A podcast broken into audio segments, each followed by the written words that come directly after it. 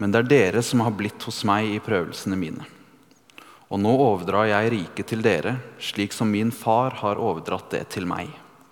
For at dere skal spise og drikke ved mitt bord, i mitt rike, og sitte på troner som dommere over Israels tolv stammer.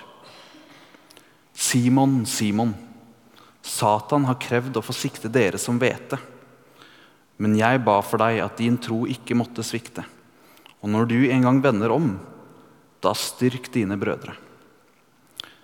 Peter sa, Herre, med deg er jeg beredt til å gå både i fengsel og i død.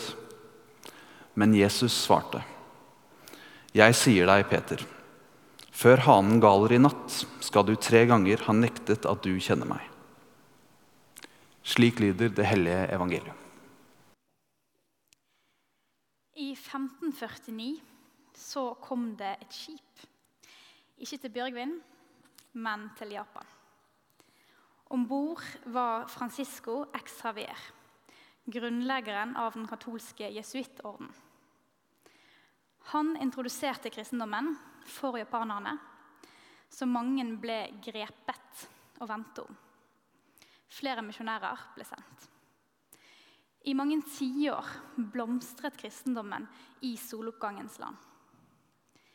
Helt til styresmaktene så den voksne grupperingen av kristne som enda en trussel fra Vesten, som stadig prøvde å få økt innflytelse og kontroll over landet. Fra midten av 1600-tallet var forfølgelsen av kristne i Japan brutal. Kristendommen skulle knekkes. Det er i denne konteksten Shusaku Endos i 1966 skriver romanen som på engelsk har fått navnet 'Silence', og på norsk 'Taus himmel'. I 2017 så kom filmutgaven, regissert av ingen mindre enn Martin Scorsese, og med et eh, stjernespekket skuespillergalleri. Mitt møte med denne filmen var enormt sterkt. Og Hvis du skal se én film i løpet av 2020, så vil jeg si at du må se denne. Så kan Øyvind Rudolf ta en pause fra å pushe 'Ringenes herre'. Det blir noen spoilers. Sånn er det bare. I filmen og i romanen så følger vi to portugisiske jesuitprester som reiser til Japan fordi de har hørt at læremesteren deres, som er der som misjonær, har fornektet troen. Dette har de ingen tro på, og reiser for å finne han og bringe han tilbake. De mistenker at han er i fare. På reisen så får de hjelp av han som blir fortellingens antagonist. Den feige og svake Chichihiro. Han har fornektet sin kristne tro for å spare sitt eget liv mens familien hans leder martyrdøden under forfølgelsene.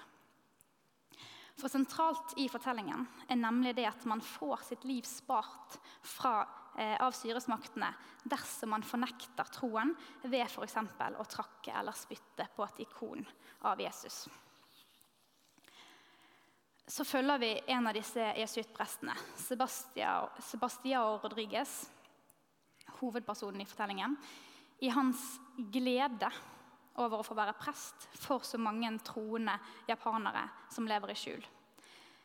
Sorg over de som må bøte med livet fordi de står i torturen uten å fornekte troen. Og forakt for denne prinsippløse og svake Kichihiro som alltid lusker rett rundt hjørnet. Og mens alt dette skjer, så opplever Rodriguez at Gud er stille. Har, har jeg en sterk nok tro? En god nok tro? Det spørsmålet har jeg stilt meg selv mange ganger, og jeg tror ikke at jeg er alene. En ting er liksom i hverdagen, når det meste går bra, og det er lett å tro. På en solskinnsdag i Bergen som denne, f.eks. Men hva når det røyner på?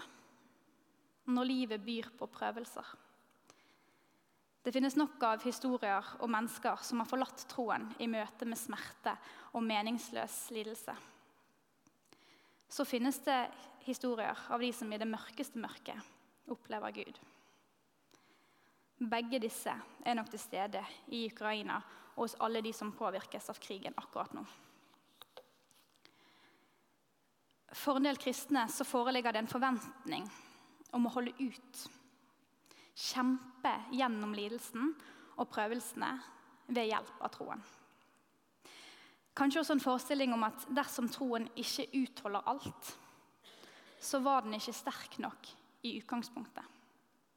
Og dette kan føre til en dobbel sorg. Peter, som vi hører om i denne teksten i dag, den ivrigste av Jesu disipler, han var klar for å kjempe gjennom prøvelsene og stå ved Jesu side helt til siste stund. Herre, med deg er jeg beredt til å gå både i fengsel og død, sier han. Og som vi vet, og som Jesus også sier i søndagens tekst, så består ikke Peter denne prøven. Han fornekter Jesus tre ganger, og hanen galer.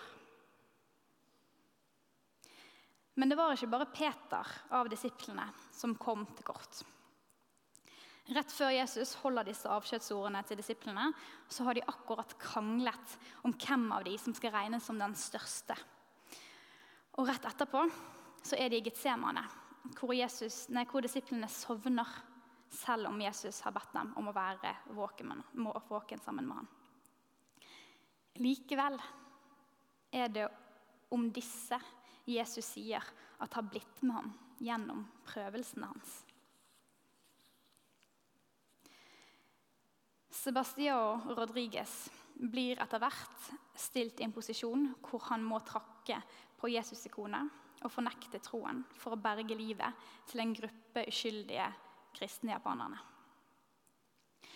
Dette skjer ikke uten videre, og disse scenene er utrolig opprivende og skildrer en mann i dyp splittelse som stiller spørsmål til alt han noen gang har trodd og er. Til slutt gjør han det. Idet han trakker på ikonet, så hører han en stemme som sier Jeg ble født til denne verden for å bli trakket på av dere. Jeg bar korset for å dele deres smerte. Ut fra stillheten kommer Gud. Rodriges forlater troen under press og i møte med meningsløs lidelse.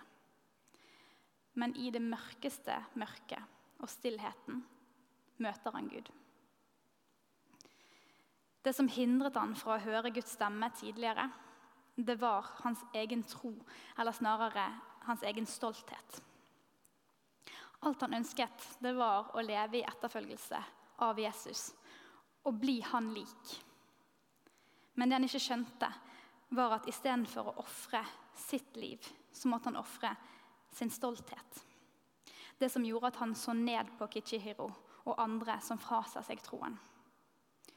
Først da de havnet på samme nivå og et oss og dem ble visket ut, var Rodriges likere Jesus enn han noen gang har vært.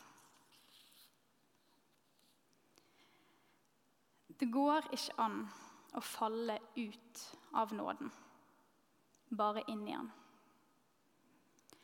Fornekteren Peter er fremdeles den Jesus omtaler som klippen han skal bygge sin kirke på fornekteren Rodriges, som skjøv nåden unna fordi han tenkte at han ikke trengte det.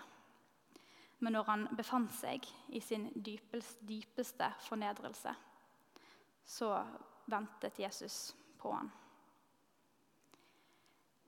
Det er disse to og vi Jesus sier at han overlater Guds rike til. Det vil si det ansvaret om å bringe frem en verden som er gjennomsyret av Guds kjærlighet. Hvor de siste skal bli de første, og den som er størst, skal være minst, og en tjener for alle. så kommer vårt mot og vår tro til å svikte. Vår stolthet og hovmod kommer til å komme i veien. Men nåden, den drar oss inn igjen hver gang. Amen.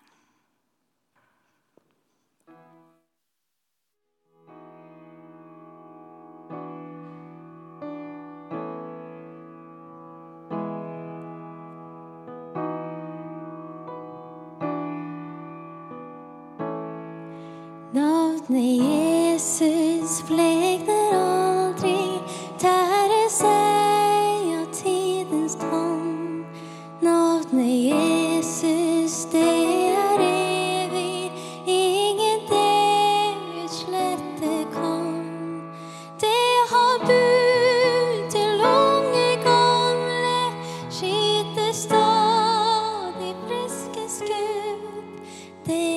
Det